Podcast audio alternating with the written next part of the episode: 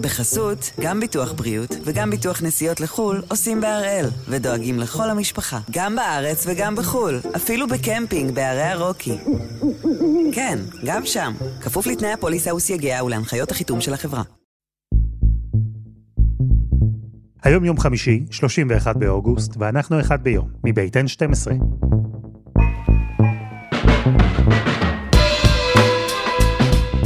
אני אלעד שמחיוף, ואנחנו כאן כדי להבין טוב יותר מה קורה סביבנו, סיפור אחד ביום, בכל יום.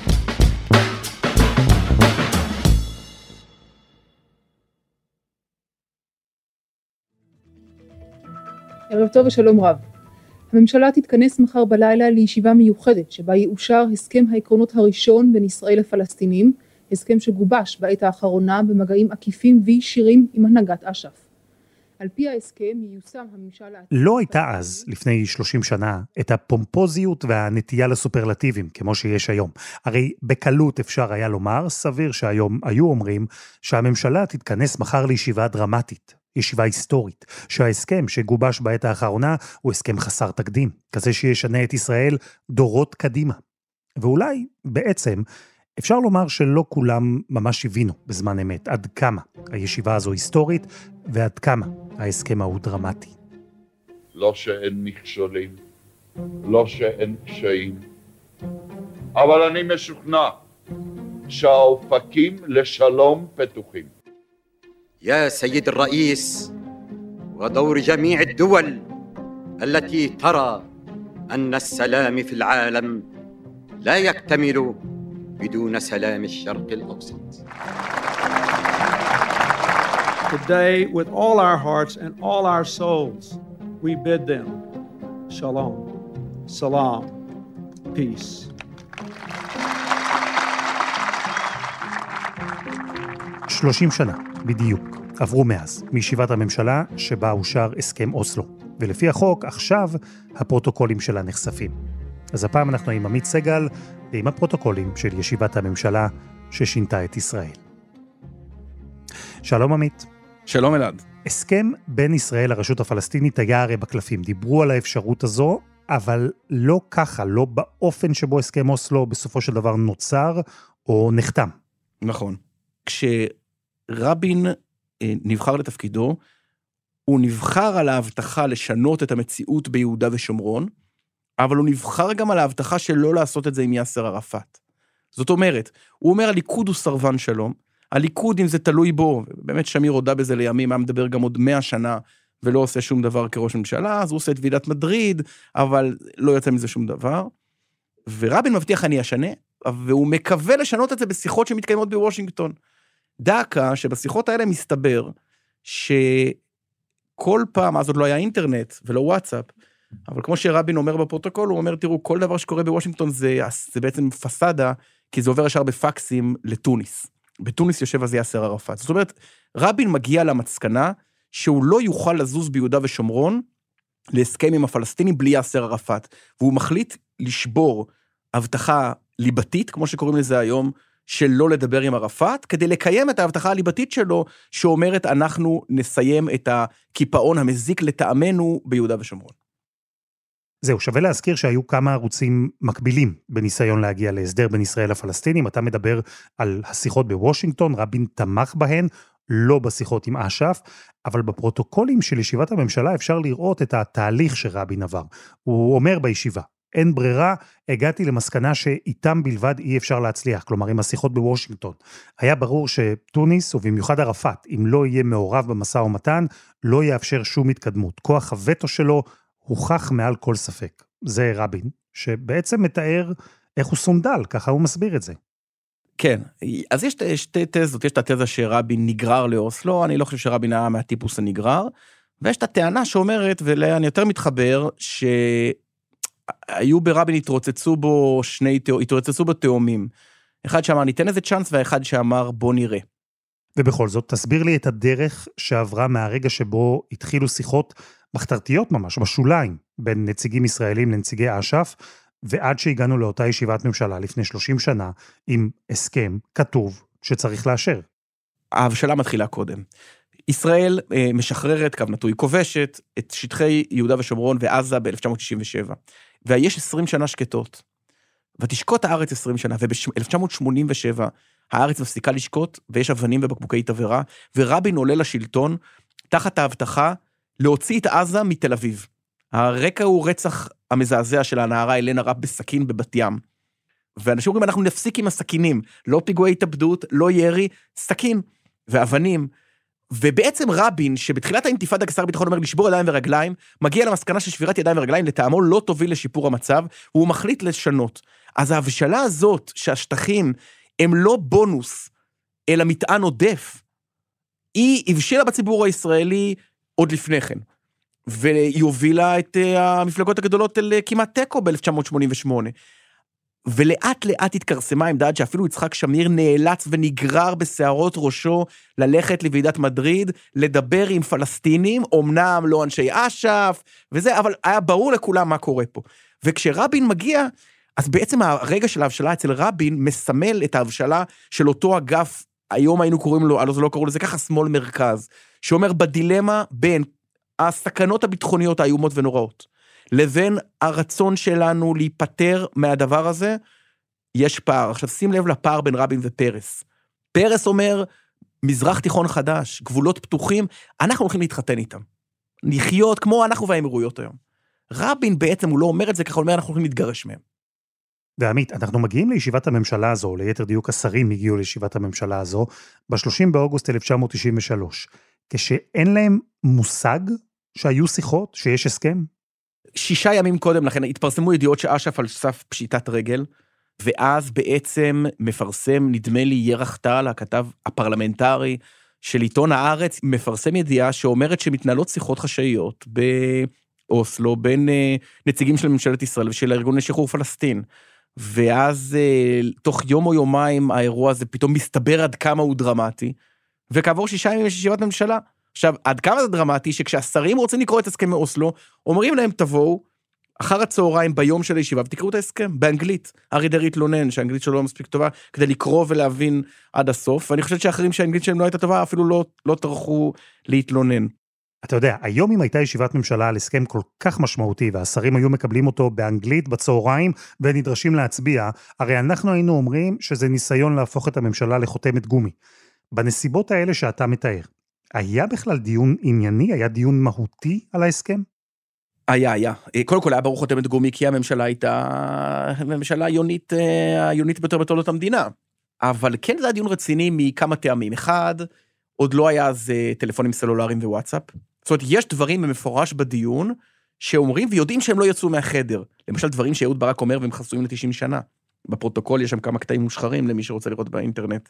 אה, למשל, זה שהם מדברים איזה מסר יצא מהישיבה ומה כדאי להחביא. למשל, דברים שלא יצאו עד היום, למשל שדרעי אומר, הימין שטף לש"סניקים את המוח על ארץ ישראל. אגב, דרעי בפרוטוקול מאוד מבדל את עצמו מהימין. ובזמנו גם מול הרב עובדיה היו הפגנות של אנשי ימין. היו עימותים אלימים בין ש"סניקים ובין מתנחלים, שבהם נפצעו בינוני אנשים. אנשים לא זוכרים את הדבר הזה. משטרה כל לילה הוזעקה אל הבית של הרב עובדיה, שלדעתי לא היה אז איפשהו היום, כי הרב עובדיה היה מתקשר ואומר, לא נותנים לאשתי מרגלית לישון. הוא טען שהמתנחלים הם אלה שזרזו את מותה של רעייתו המנוחה מרגלית, בגלל שהם קיצרו את חייה כשהיא חולה ולא יכולה לישון. ופה אני רוצה להתחבר למשהו יותר עמוק מזה. אנחנו מדברים הרבה עכשיו על ההקשרים הביטחוניים, אבל אנחנו לא מדברים על ההקשר הסוציולוגי.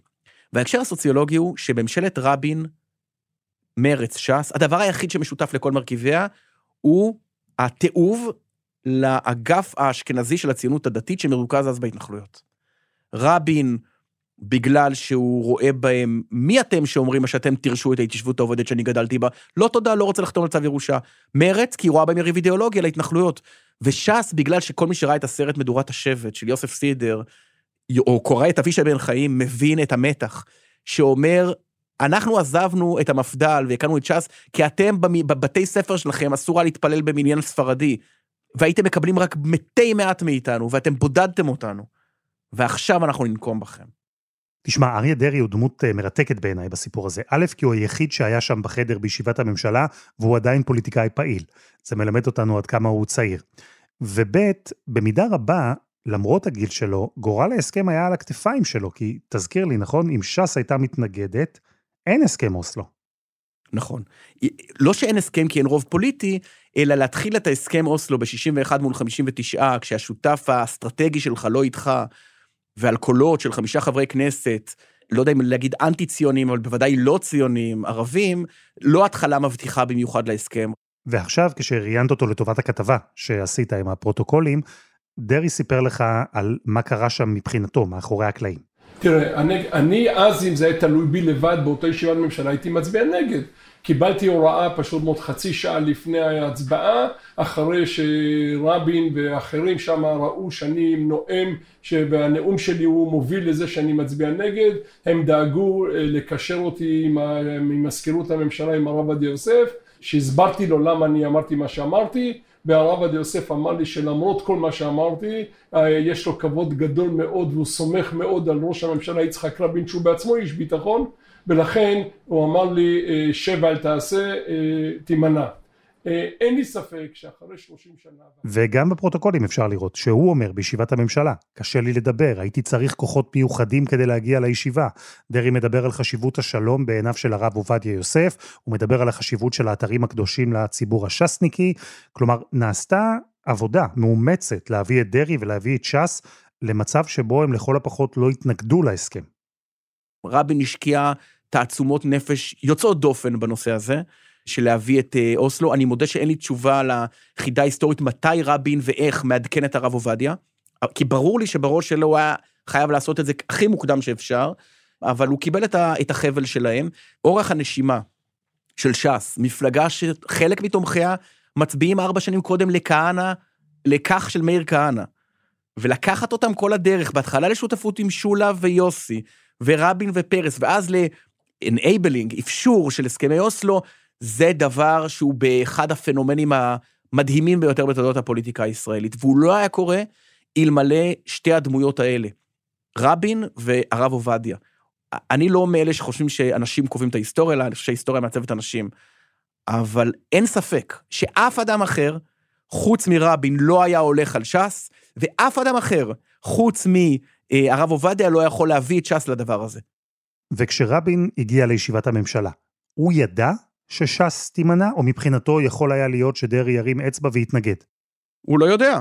לא, לא, הפרוטוקול מראה שדרעי מצטרף לישיבה באיחור. עכשיו, הוא מצטרף לישיבה באיחור באירוע השתלשלות מקרים מטורפת, דרמטית, שבעצם זאת ישיבת הממשלה האחרונה של אריה דרעי ב-22 שנה שיבואו.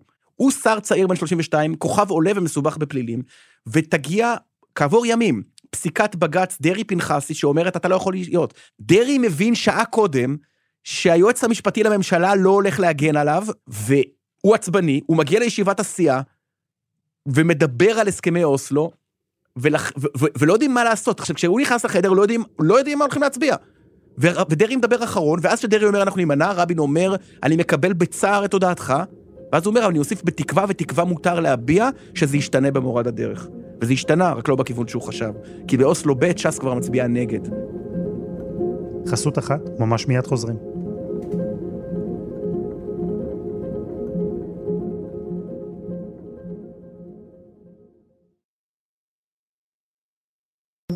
בחסות, גם ביטוח בריאות וגם ביטוח נסיעות לחו"ל עושים בהראל, ודואגים לכל המשפחה, גם בארץ וגם בחו"ל, אפילו בקמפינג בערי הרוקי. כן, גם שם, כפוף לתנאי הפוליסה וסייגיה ולהנחיות החיתום של החברה.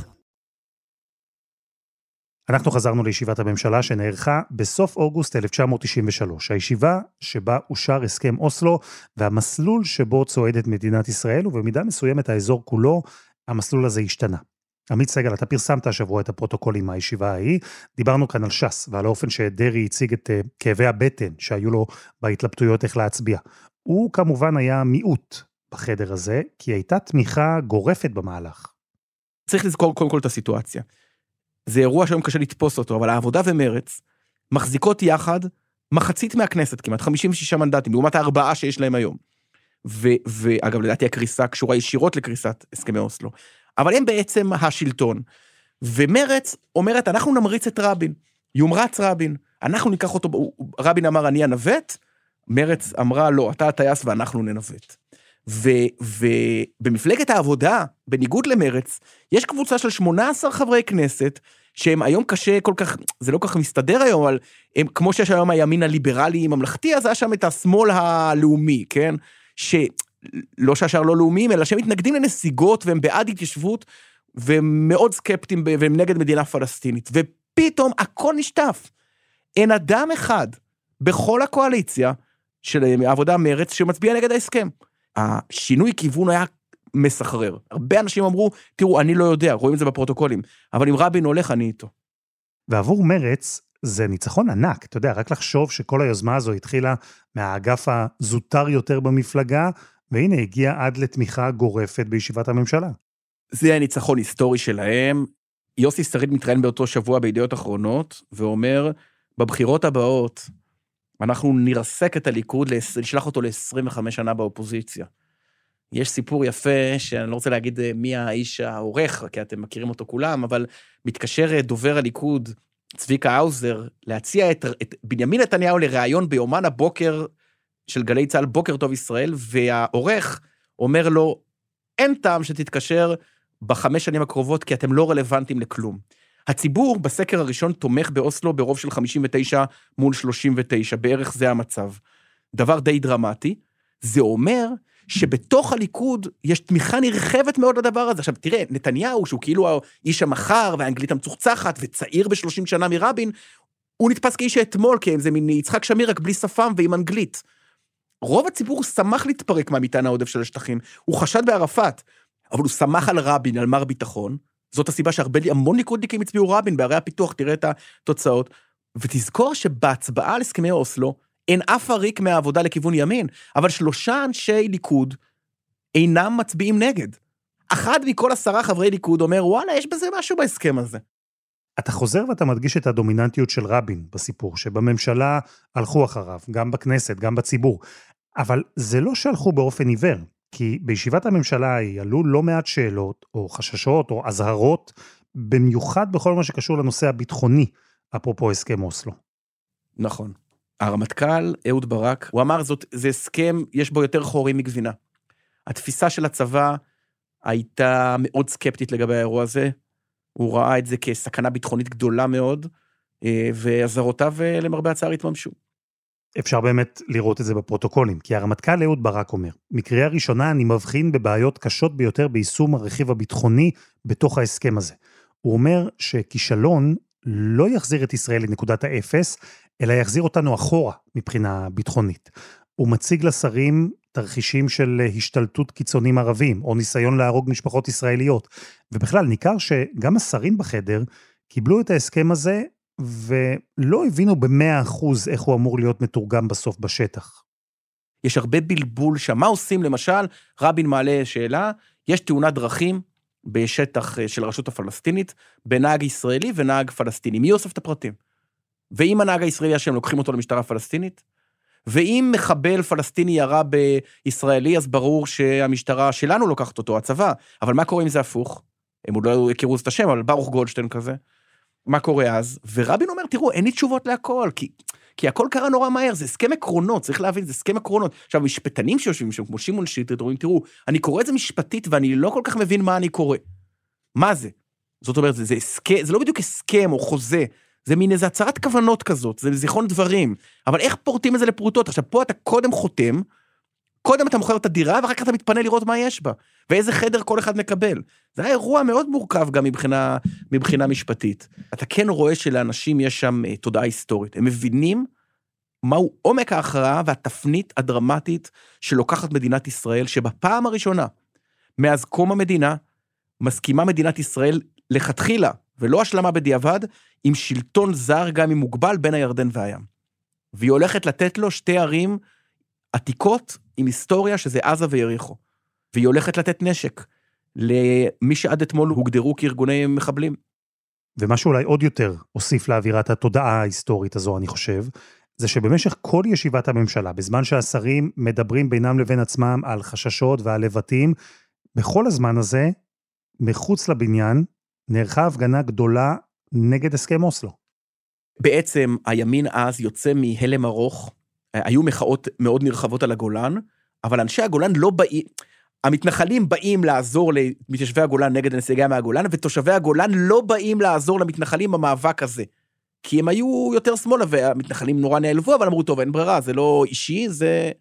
ואז מגיע הדבר הזה, ועובר חשמל במחנה, של זעם ותסכול וכעס, שפעם הייתי צריך להסביר את זה, אבל אני חושב שכל אדם שראה את מה שקרה פה בחצי שנה האחרונה יודע בדיוק על מה אני מדבר, רק מהצד השני. ומחנה שלהם ניתן באנרגיות, בתפקיד אה, שקמה ברסלר אה, בנימין נתניהו. אני רוצה שעכשיו תקשיבו לי.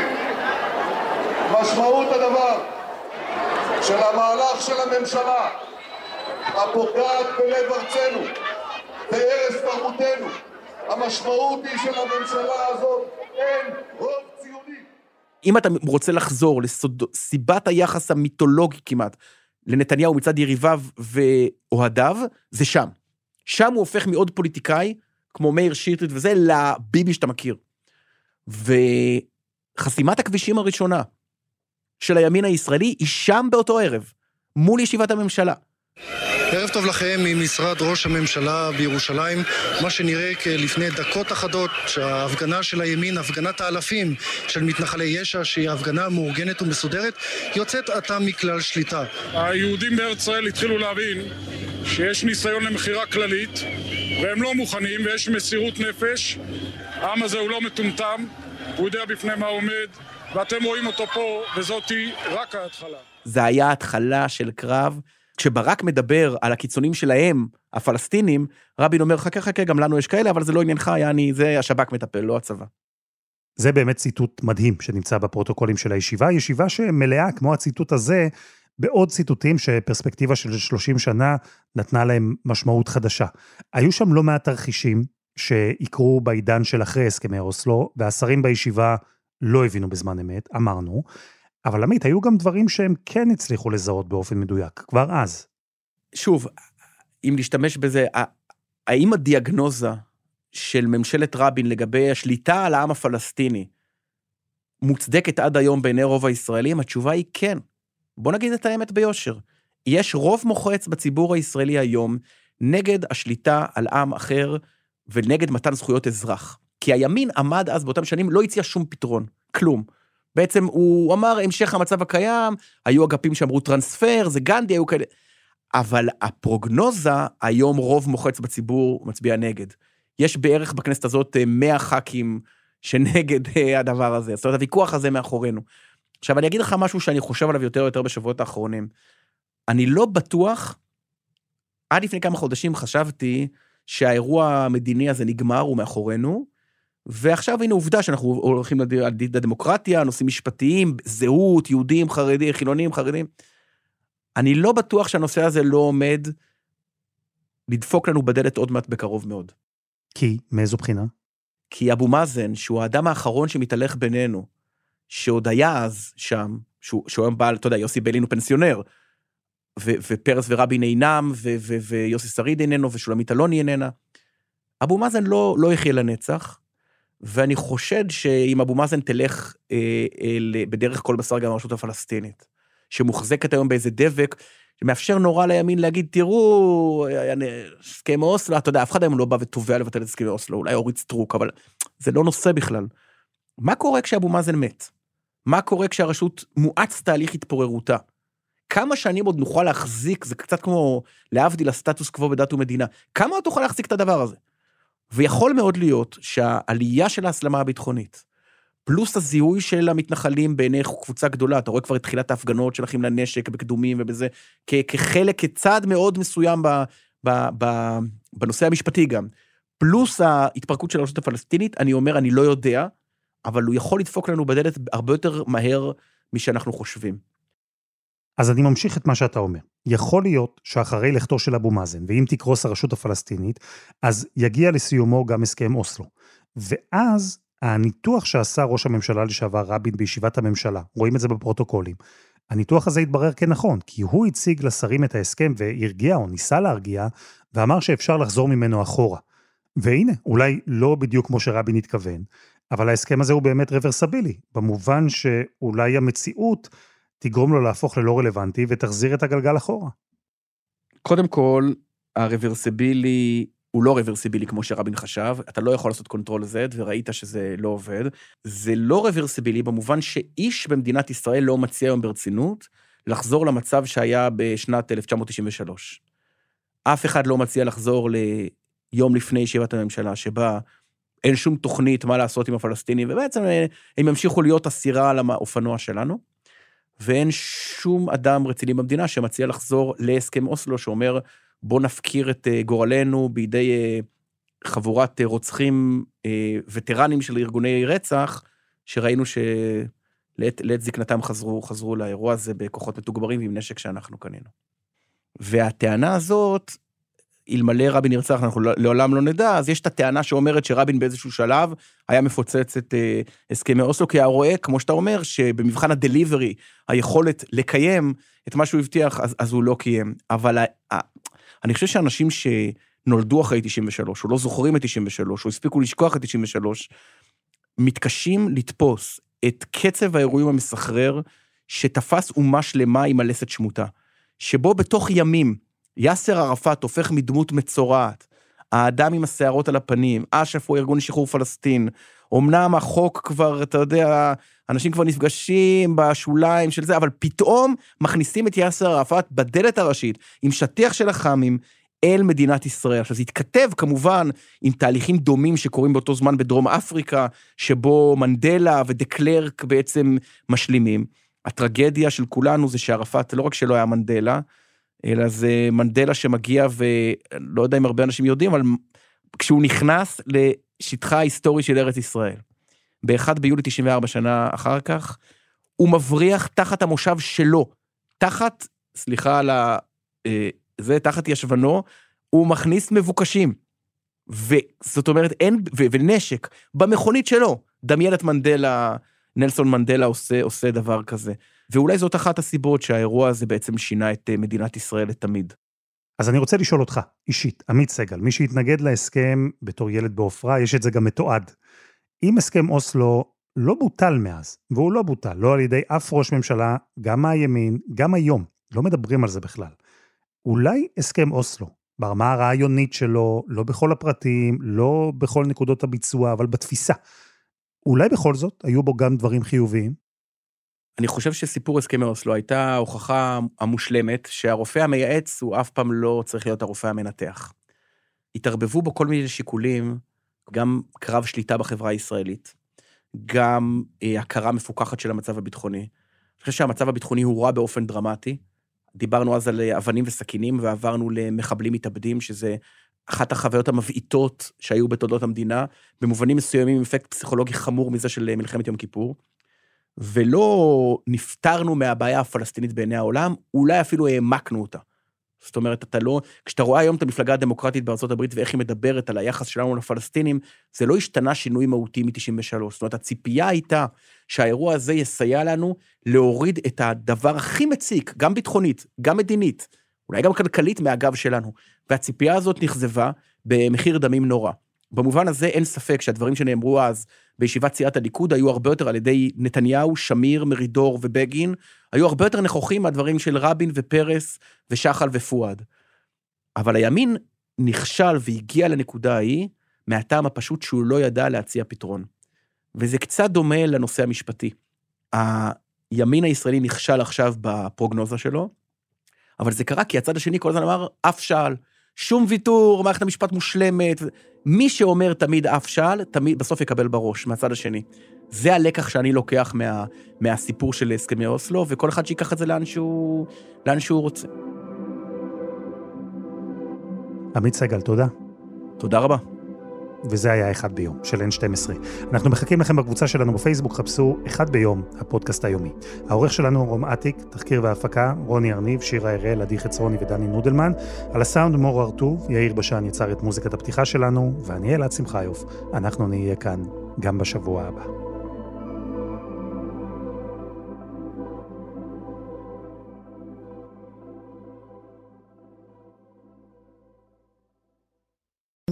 בחסות, גם ביטוח בריאות וגם ביטוח נסיעות לחו"ל עושים בהראל, ודואגים לכל המשפחה, גם בארץ וגם בחו"ל, אפילו בקמפינג בערי הרוקי. כן, גם שם, כפוף לתנאי הפוליסה וסייגיה ולהנחיות החיתום של החברה.